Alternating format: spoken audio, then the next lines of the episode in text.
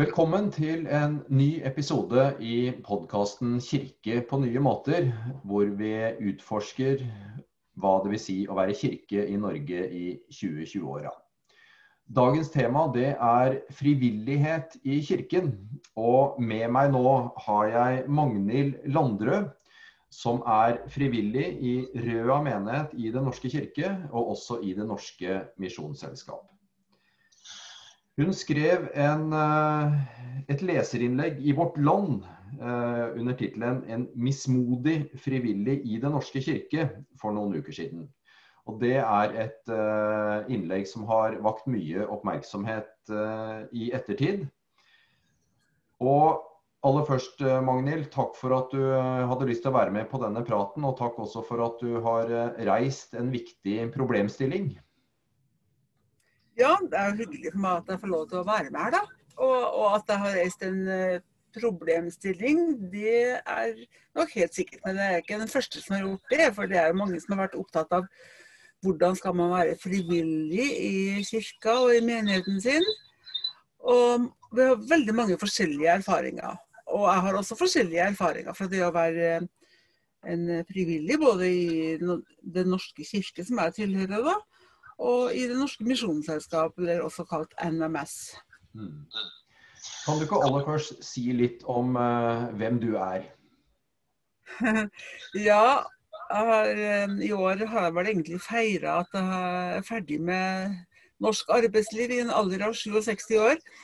Men uh, jeg har erfaring, Den største arbeidserfaringa mi er vel å ha vært journalist i bladet Familien. Og da må jeg jo fortelle det at den som ansatte meg i bladet Familien i 1982, det var Kåre Lunde. Og han tror jeg er godt kjent i, i Metodistkirka. En veldig hyggelig kar. Han er, han er, godt kjent. Han er en av de store i, i historien. Det er helt klart. Mm. Ja, det var, en, det var, en, stor glede å få jobbe som journalist mm. i familien, det var det. Men der sluttet jeg for ti år siden, og så ja, 15 år siden. Og så eh, begynte jeg å jobbe for meg sjøl som frilansjournalist. Og i forbindelse med det så har jeg jobba veldig mye med kirkelig kommunikasjon. Og ikke minst dette her med menighetsblad. Jobbet, jeg fikk til og med noen forskningsmidler og gjorde en stor eh, nasjonal undersøkelse om eh, norske menighetsblad.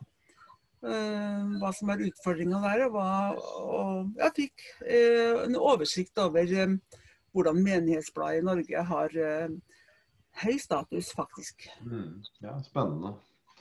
Og Du skriver i dette leserinnlegget i, vår, i Vårt Land at du gjennom et langt liv har bidratt som frivillig, og det med blandede erfaringer.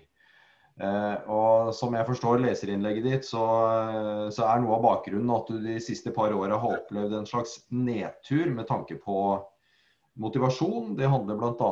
litt om uklarhet i forhold til hva som er premissene for det å være frivillig i kirken. Eh, jeg har rett i det? Ja da. Og, og, og når jeg kjente dette her til vårt land, så det er alltid sånn når man kjenner inn en ting, så blir det redigert, og så blir det spissa litt. Så overskrifta var jo litt depressiv, da, om at jeg var veldig mismodig. Men uh, sånn er det vet du, i journalistikken. Der, der, skal man jo skape oppmerksomhet. Men det, det, det vakte iallfall reaksjoner fra andre mismodige. Uh, og det, så det jeg beskriver, det er vel egentlig en, en uh, virkelighet ut ifra min lokale erfaring med, med min menighet. da og prøvde å sammenligne det med en helt annen erfaring som frivillig i Det norske misjonsselskap, der jeg også har begynt å, å jobbe som frivillig.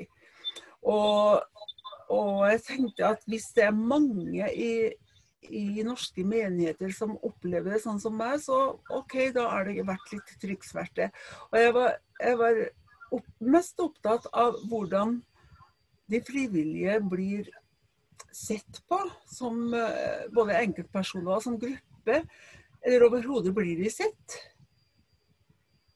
Um, jeg er ikke så veldig hårsår på det at ikke folk legger merke til hva jeg holder på med som frivillig i menigheten, men når jeg opplever at også andre er um, ja, Altså, en, en, en, av de andre frivillige har holdt på med julemesse i ja, mellom 20 og 30 år, og han kom og sa til meg en dag at vet du, det er ingen i menigheten her som har kommet til meg og sagt takk for det vi har jobba med året rundt.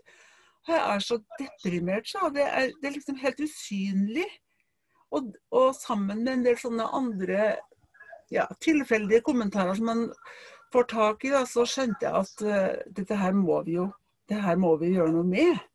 Så for meg så handler det om å integrere de frivillige i en større stab. Jeg, jeg har en ve veldig sterk oppfatning av at det er to staber i en menighet. Det er de som er ansatt og betalt, og så er det alle de andre årsverkene som er ulønna og som er frivillige. Mm. Og det syns jeg er en veldig uheldig um, tostabstankegang. Disse må jobbe mer sammen. Det er vel et hovedanliggende for meg. Mm. For Du skriver noe om at du har kjent at du har jobba utafor eh, organisasjonen på en måte. Eh, ikke blitt eh, integrert ordentlig, og at det er en for stor strekk mellom de ansatte og de frivillige i kirken. Ja, er, jeg skriver det, og, og, og, jeg mener jo det jeg skriver. Det er ikke noe hyggelig å si det. Det er ikke noe hyggelig og jeg kan vel lett bli oppfatta som veldig negativ. Eh, overskrift 'mismodig' i vårt land. Eh, men eh, jeg tenker i alle fall at når mange opplever det, så må vi gjøre noe med det. Og det er veldig vanskelig å ta fatt i det, for det er, det er sårbart. Noen kan bli personlig fornærma, noen kan bli fornærma på vegne av kirka. Og jeg tenker at det må vi tåle. Mm, mm. Men så har du også andre erfaringer da, i, i Det Norske Misjonsselskap, hvor du skriver at uh, der er det helt annerledes. Og Hva er det konkret som er annerledes der? For det første blir man spurt. Har du tid til? Har du lyst til? Og så tenkte jo jeg at uh, ja, jeg ble faktisk spurt. Og jeg hadde lyst. Uh, og Jeg var nok veldig opptatt av det her med hvordan kommuniserer vi. For det, det, er jo naturlig at en journalist tenker sånn. Hvordan kommuniserer Kirka? Hvordan kommuniserer Norske Misjonsselskap? Så i NMS-sammenheng har jeg jo fått litt uh, ansvar for å legge ut ting på Facebook-sida deres. Og jeg er jo uh, veldig dårlig sånn teknisk forstår da, på alt disse datagreiene. Eh, så jeg sa at da må dere lære meg opp. Da må dere fortelle meg hvordan jeg rent teknisk skal gjøre det. Så får jeg et opplæringskurs. Og, og tenker åh, tenk om det hadde vært sånn i min menighet også, at først kom de og spurte, og så ga de meg et lite minikurs. Og så holdt de kontakt med meg hele tida. Hvordan går det? Uh, går det greit? Mm. For sånn opplever jeg det vel i, i NMS-sammenheng. De, og de ringer og spør kan du legge ut denne saken for oss. Og trenger jeg hjelp, så får jeg hjelp. Sånn mm. teknisk. Mm. Så det er jo et eksempel på hvor forskjellig det kan oppleves, da. Mm. Jeg, kan, jeg, kan for, jeg, kan, jo fortelle deg det at uh, da koronalivet oppsto i Norge, så ringte en annen frivillig i NMS-sammenheng og sa Magnhild, nå må vi jobbe. For nå er, de, nå er de ansatte permittert, og vi frivillige må jobbe. Altså, fantastisk utfordring. Mm. Og, og vi, ja, klart vi skal det. Og vi satte i gang ekstra Facebook-aksjon Facebook for å holde kontakten med folk, for det syns vi er veldig viktig. Mens i mange norske menigheter, selv om de skryter av at de hadde hatt god digital kontakt med folk, de, jeg følte at de var ikke i kontakt med folk, de bare leverte et produkt. Mm. Så, så jeg, jeg, følte at jeg følte jo det samme i min, min menighet. Vi, vi, må gjøre noe her for å holde kontakt med folk. Og så um, En av de tingene jeg har vært med på å etablere i, i min lokale menighet, da, det er å etablere en kafé. Uh, som har vært åpen to dager. Vi kaller det Kirkehjørnet. Og det har, uh, det har vært folk jevnt innom, prata og veldig uformelt.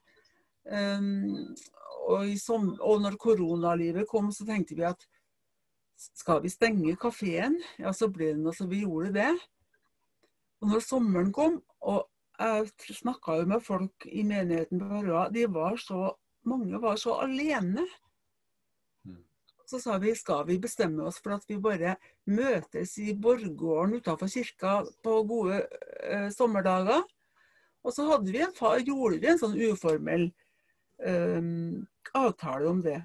Og folk kom. Folk kjente på savnet etter å møtes.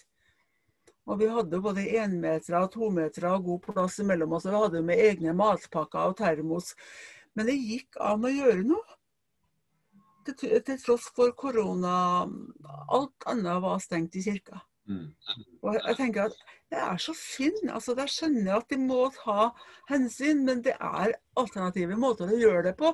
Må, er det vi frivillige som skal, skal, skal, ta det initiativet fordi vi ser det behovet?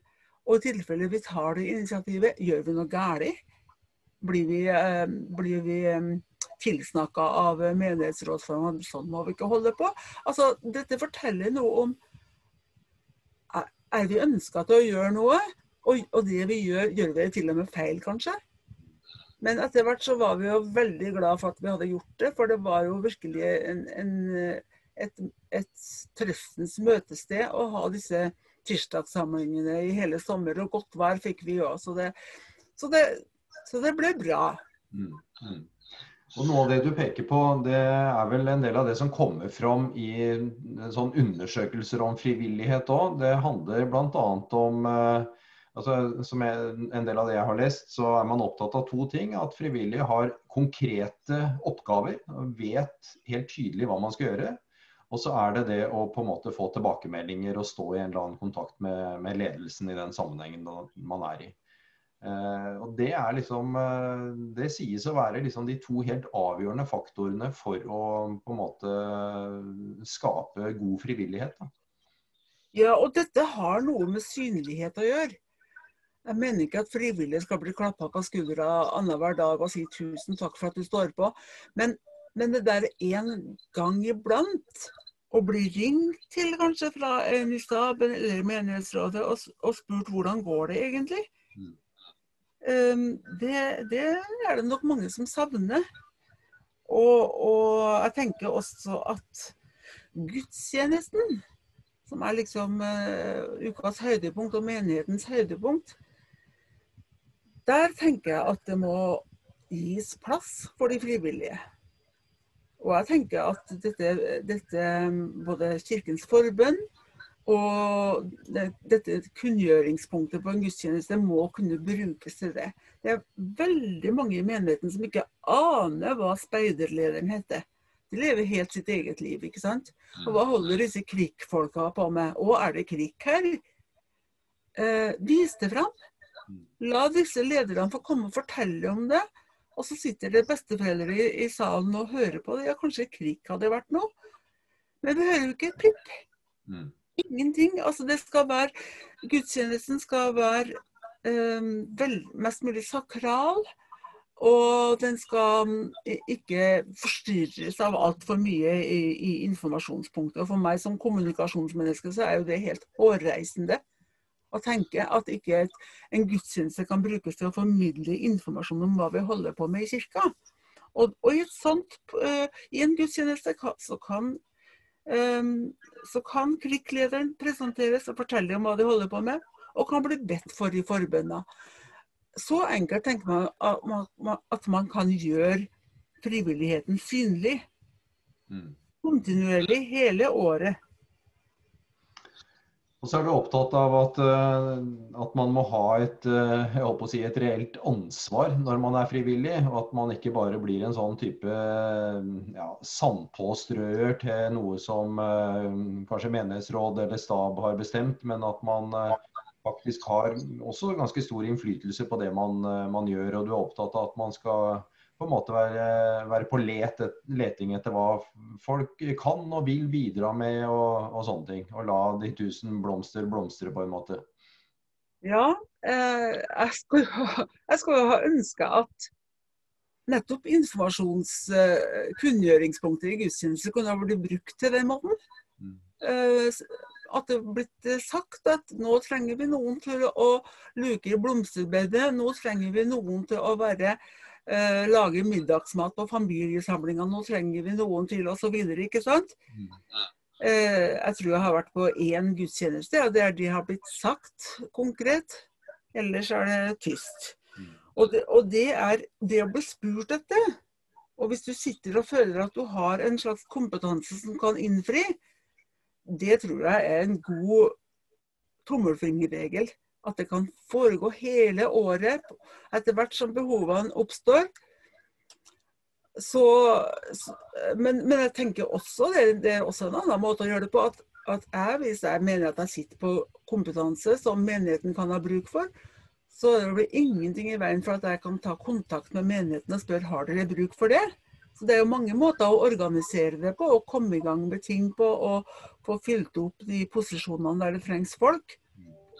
Så det, Jeg tror ikke det er noen bruksanvisning på hvordan man skal gjøre det, men jeg tror at det, det, handler, det det handler om, det er en holdning, en genuin holdning blant stab og menighetsråd om at det er folk her som har kan ha lyst til å brukes.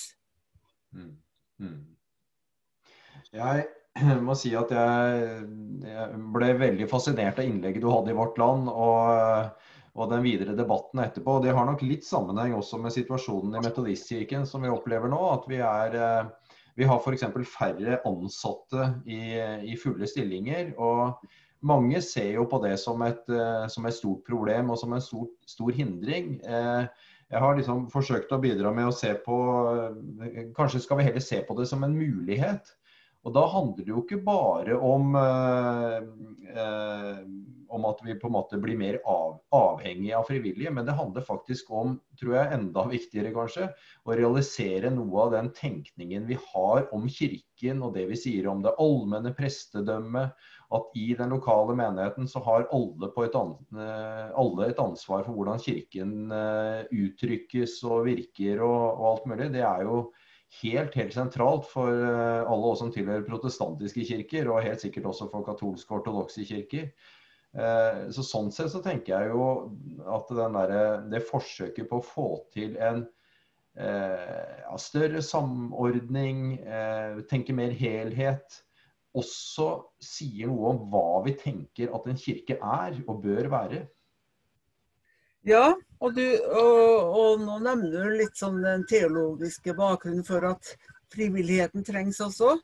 Og, og, den har ikke jeg blanda meg så mye borti, for den tar jeg som, som den største selvfølgelighet. Mm. Jeg er jo mer opptatt av uh, administreringa av det og, og holdninga til at ja, det trengs flere medarbeidere. Og, og, det er jo sånn også i Den norske kirke at uh, mange staber er blitt De skal spare penger, og det blir færre. Og da blir man jo uh, automatisk nødt til å ha flere på banen til å jobbe. Så, så at, jeg vet jo ikke hvordan Den norske kirke som jeg tilhører, kommer til å bli. Om vi blir mer som en frikirke mer og mer i forskjellige i, i ulike administrative form, da. Men at det blir bruk for flere frivillige, og at det må settes inn et system for det, det tror jeg er nødvendig. Mm. Altså, og, og, det systemet handler om, ofte om sånne småting. At da vi skulle åpne kirkehjørnet f.eks., så fikk vi problemer med å låse oss inn. Det var jo så tullete. Altså, Da ble det gjort et problem. det at Hvordan skal vi komme oss inn? For det var jo ikke de samme folkene som gikk der hver dag og hadde, skulle ha vakt. Det kan jo, eh, Vi var jo 10-15 stykker som skulle ha eh, vakt og fly oss imellom med en nøkkel da, liksom fra gang til gang. Mm. Så, så det var liksom sånn ingen tilrettelegging. Mm. Og, det, og da, da, er man ikke en del av et større system. Nei. Jeg vet ikke om jeg svarte på spørsmålet ditt, men eh, jeg roter meg bort litt her nå. Ja, det er helt fint. Jeg tror vi er godt innafor det vi har avtalt at vi skal snakke om, så det, det er ikke noe problem. Ehm, nei, jeg, jeg ser jo f.eks. i en del av våre sammenhenger at ehm, ja, bl.a. knytta til det at vi opplever mer deltidsstillinger. og Det er jo også en internasjonal trend, eh, egentlig, i kirkene. at at noe av rollen da, til prester eller andre som er ansatt i kirken, Eh, i større grad eh, handler om å koordinere frivillighet f.eks. Være leder for frivillige og, og, ha en rolle i å bidra til å utruste og legge til rette for og sånn. Eh, og jeg tenker at, at, det er helt nødvendig av veldig mange grunner. Dette med at at det på veldig mange måter er sånn at Kirkens framtid eh, avhenger av at de mange si, alminnelige menneskene ser sitt ansvar og blir gitt rom for å delta og ta det ansvaret som veldig mange er interessert i å ta. Ja, og, og um, underveis i etterkant av dette Vårt Land-innlegget, så fikk jeg en, um, en, melding på min egen Facebook. Har du sjekka hvordan de gjør det i Vågsbygd? Der har de, altså, dette, dette, handler jo om å finne en måte å organisere arbeidet på, sånn at det blir en del av en, en stor menighetshelhet. Og, og, det er mange måter å gjøre det på. Noen har jeg skjønt har eh, ansatt eller uh, skaffa en um, frivillighetsleder som alle frivillige kan forholde seg til i menigheten. Noen sier at alle frivillige kan forholde seg til daglig leder f.eks. Og nå snakker vi jo om store og små menigheter. Og, og, når jeg skriver denne kronikken i Vårt Land, så er det vel mer eh, tar det nok utgangspunkt i større bymenigheter der det er store staber, kanskje. Uh, mens ute på landet der jeg kommer fra sjøl, i Trøndelag, så er det jo små menigheter. At det er kanskje bare en prest og en organist og, og kanskje en halv uh, stilling daglig leder. Så, så, jeg tror nok at det, Og der er man kjent med hverandre fra før, på en måte. Mens mange av de frivillige i, i byen Altså det er jo mange som ikke vet navnet på alle frivillige i mange Oslo-menigheter. Mm. Mm. Fordi at miljøet er litt stort og, oversiktlig, og nettopp derfor bør det være en organisering av det. da. Mm. Og hvordan det skal organiseres, det har ikke jeg noe svar på, men jeg er jo glad for at Kirkerådet i Den norske kirke nå da, i år har, har, tatt opp Det var jo det som var utgangspunktet for min, mitt innlegg i Vårt Land også. At jeg visste at de skulle ta opp frivillighet på årets kirke, eh, i, i, kirkemøte. Mm. Mm. Nå ble det jo akkurat det punktet utsatt pga. Eh, koronatilstander, men de har ikke glemt saken. De skal ta det opp og vet at det er et behov. Mm.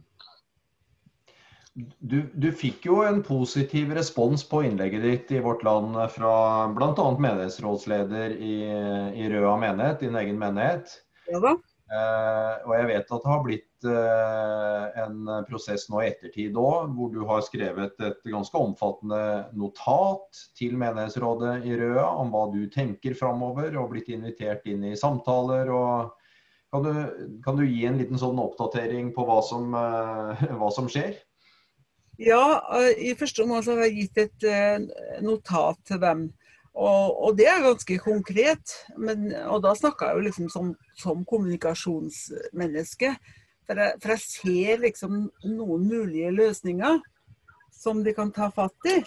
Men jeg, jeg sitter jo ikke i noen menighet, jeg kan jo ikke bestemme. Men jeg har gitt dem dette notatet um, for at de kan ha noe å diskutere ut ifra. Og de det jeg vet nå så langt, det er at de har eh, satt ned en arbeidsgruppe som skal jobbe videre med dette her. Og om de, og om de vil høre, snakke noe mer med meg, det får vi nå se.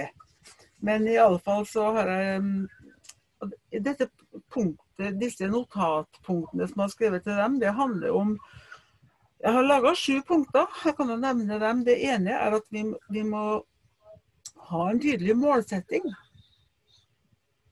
med forberedelsene til å få til et godt frivillig arbeid. Og så har noen, et punkt som heter hva, hva, skal til da, for å få til et bedre frivillighetsarbeid i menigheten.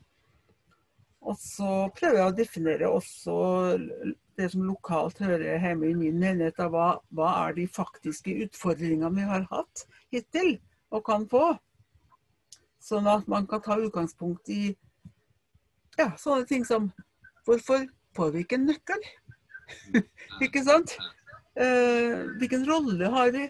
Er vi blitt, er vi blitt gitt noe mandat? Eh, det fjerde punktet det er å gjøre de frivillige synlige, og det har jeg jo allerede snakka om, med å bruke gudstjenesten f.eks. Men jeg tenker også årsrapporten. Jeg har sett mange kirkelige årsrapporter som ikke sier et pip om hva de frivillige gjør, og hva de holder på med, og hvor mange de er. Mens i Vågsbygd menighet, jeg leste årsrapporten deres, for jeg ble jo litt nysgjerrig på dem, da.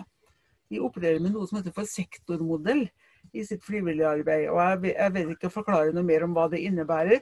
Men det skriver iallfall i årsrapporten for 2018, som jeg tilfeldigvis fant på nettet. De har altså skrevet i sin årsrapport at de har frivillig innsats som tilsvarer ni årsverk. Mm. Og hvis det ikke hadde blitt nevnt i den årsrapporten, så hadde jeg vært sur for å være frivillig i, i Vågsbygd. Men det blir nevnt. De blir sett. De blir organisert. Så jeg tenker at en årsrapport må også gi, være med å gjøre, gjøre dem synlige. Um, og så tenker jeg at uh, i, i, min lokale menighet så er det faktisk en del fordeler man bør kunne få for å være, for å være frivillig. Så, så jeg syns at det også kan være et punkt at man kan diskutere kan f.eks. de frivillige få leie kirkens lokaler til en litt rimeligere pris.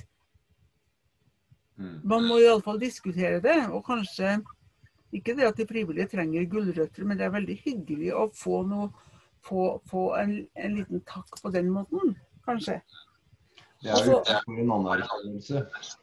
Det er jo det. Så jeg tenker, jeg skal ikke bestemme det, men man kan diskutere det, tenker jeg. Og så handler det om, om um, utholdenheten, da. For jeg tenker at um, man må gjøre noe for å få folk til å holde ut i sånn som Marianne var i um, 20 år i julemessa. Skal da holde ut i ti år til. Så det, så det, er noe man må gjøre med det også, for å, å kanskje gi folk en pause. Og at det er helt legalt å få lov til å ta en pause når man er sliten, og heller få komme tilbake seinere. At man ikke slutter i vill pro protest fordi at man ikke er inkludert, liksom. Og nå orker jeg ikke mer. Og så har jeg gitt menighetsrådet et helt konkret forslag om å alltid ha en kontakt med de frivillige. Kanskje kanskje lage en, en kvalitativ undersøkelse blant de frivillige. Der de, der de, får noen spørsmål som de kan forklare litt om motivasjonen sin for å være frivillig. Og, og, og, hva de savner i det, og hva de gleder seg over med det. Sånn at, sånn at menigheten får en forståelse av ja, sånn oppleves det å være frivillig. Mm. For det spørsmålet stilles veldig sjelden. Ja, så det er vel Har du fått noen responser fra, fra, ansatte i kirken? Ikke nødvendigvis i Røa menighet, men eh, andre steder. Og hva, hva, er i så fall responsen fra kirkeansatte på det du har skrevet? Det eh, veit jeg ikke. Eh, de har nok eh, De, har nok, de, har, de leser Vårt Land. Så de har nok lest det. Og jeg snakka med en som er ansatt der, og han sa at vi snakker om det. Og jeg regner kanskje med at de skal snakke med meg om det òg, men det blir nå opp til dem. Mm. Men uh, mange andre i menigheten har jo sett det, da. Mm. Så, um, og, og, og, noen syns at uh, Jeg har ikke fått noen negative uh, kommentarer. Men det er vel noen som har sagt at ja, du er nå ganske tøff som tør å si alt dette her. Mm. Men jeg tenker at hodet mitt er så fullt av det at nå må det bare lufte seg litt. Mm.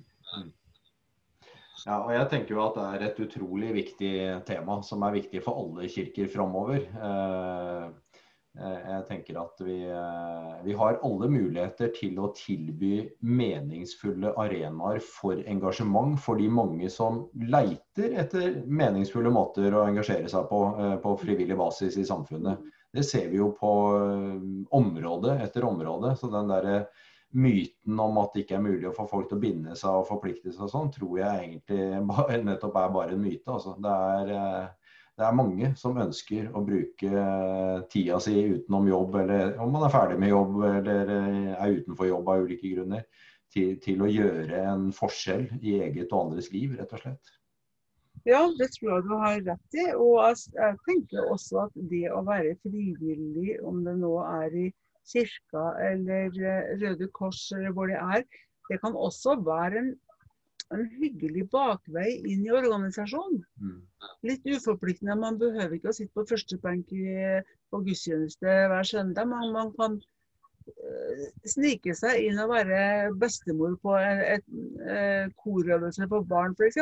Passe på at alle sitter uh, riktig i benkene sine og ikke forstyrrer dirigenten altfor mye. Det, det, er mange måter å å være i kirka på. Og at de også kan være en slags bakvei inn i kirkerommet og inn i det, de troende sitt liv. I den grad man kanskje ikke bekjenner seg til en kristen tro sjøl. Det, er jo flere det som uh, jobber i kirka som, som tydelig sier at de har ikke noe kristen tro, men de kan være med å, å, å luke ogras likevel. Mm. Mm, mm. Ja. Nei, sånn sett er det vel bare kreativiteten som setter grenser for hva vi, hva vi faktisk kan tenke oss av muligheter her. Uh, selv om det kanskje også er en sånn hva skal jeg kalle det, litt sånn statisk forståelse av hva Kirken er, som, uh, som på en måte kanskje hindrer oss i å være, være så kreative som vi sannsynligvis burde være. Da. Ja, det tror jeg også er et poeng. Og så er vi jo veldig forskjellige, både som, som uh, prester og ansatte, så er vi jo veldig forskjellige og har, eh, og har ulikt syn på også dette her. Eh, det har jo til og med hørt om prester som sier at dette greier Ikke prester, men ansatte som sier at uh, vi har vel egentlig ikke så veldig mye bruk for frivillige. Og da blir jo jeg helt sjokka. Uh, hvis man virkelig mener det. Men det tror jeg er et meget stort mindretall som eh, ytrer. Det tror jeg også. Men det er nok noe som henger i litt sånn fra tidligere tider og sånn. Men da tror jeg, i hvert fall sånn teologisk, så må vi nok da 50 år tilbake i tid hvor man liksom tenkte at eh, prest og andre kirkelige ansatte nærmest utøver tjenesten i kirken på vegne av helheten. Men uh, nå tenker vi jo helt annerledes om hva en, hva en kirke er, heldigvis. Ja, og det er bra. Mm. Men eh, nå, som sagt, eh, overskriften var eh, en mismodig frivillig. og Det var kanskje ikke din overskrift, da, det var noe som desken på Vårt Land hadde gitt deg. Men hva tenker du om nå, nå etter denne prosessen? Er du mindre mismodig? Jeg er veldig glad for at menighetsrådet nå har satt det på sin dagsorden, og at de har satt ned en arbeidsgruppe som skal jobbe med det. Unnskyld. Og det tror jeg det kan komme noe godt ut av. Og jeg tror at mange andre i min menighet da vil tenke at det er bra. Jeg håper at vi får høre om det. At det er sånn det foregår nå. Og ditt eget engasjement framover? ja, øh, vi får se. Det, det, er noe som sitter fast i hodet på meg, som har blitt litt for negativt. Så jeg må jobbe med, med, med motivasjonen min. Um, og det må være, det, jeg må finne det naturlig å eventuelt gå tilbake og være uh, frivillig i Røa menighet. For det har, det har Jeg merker det, som personlig så har det tatt på. Ja, det har skurra, liksom. Og at jeg nå begynner å jobbe med det, er kjempebra. Men eh, personlig så var det nok bearbeide eh, motviljen og viljen min ganske mye, tror jeg. For å kjenne at ja, her spør de etter meg. Mm. Mm. Jeg har i hvert fall lyst til å takke deg for at du har bidratt til å sette en viktig eh, diskusjon og samtale på, på dagsorden. Um, jeg tror den trengs, eh, og vi trenger å ta den i alle, alle kirkelige og kristne arbeidslag eh, framover. Eh, ikke bare som en dyd og nødvendighet, men eh, som jeg har sagt før, eh, som faktisk for å få fram et sannere og tydeligere bilde av hva en kirke faktisk er. Ja, jeg håper jeg kan ha bidratt med noe til deg i dag. Og til dine lyttere av denne podkasten. Eh, spennende at, eh, at, dette her foregår i alle kirkene våre. Og at det er et stort potensial med det frivillige. Mm. Mm. Det er det. Takk for eh, en både hyggelig og interessant prat, og mm, alt godt til deg videre. Ja, takk skal du ha.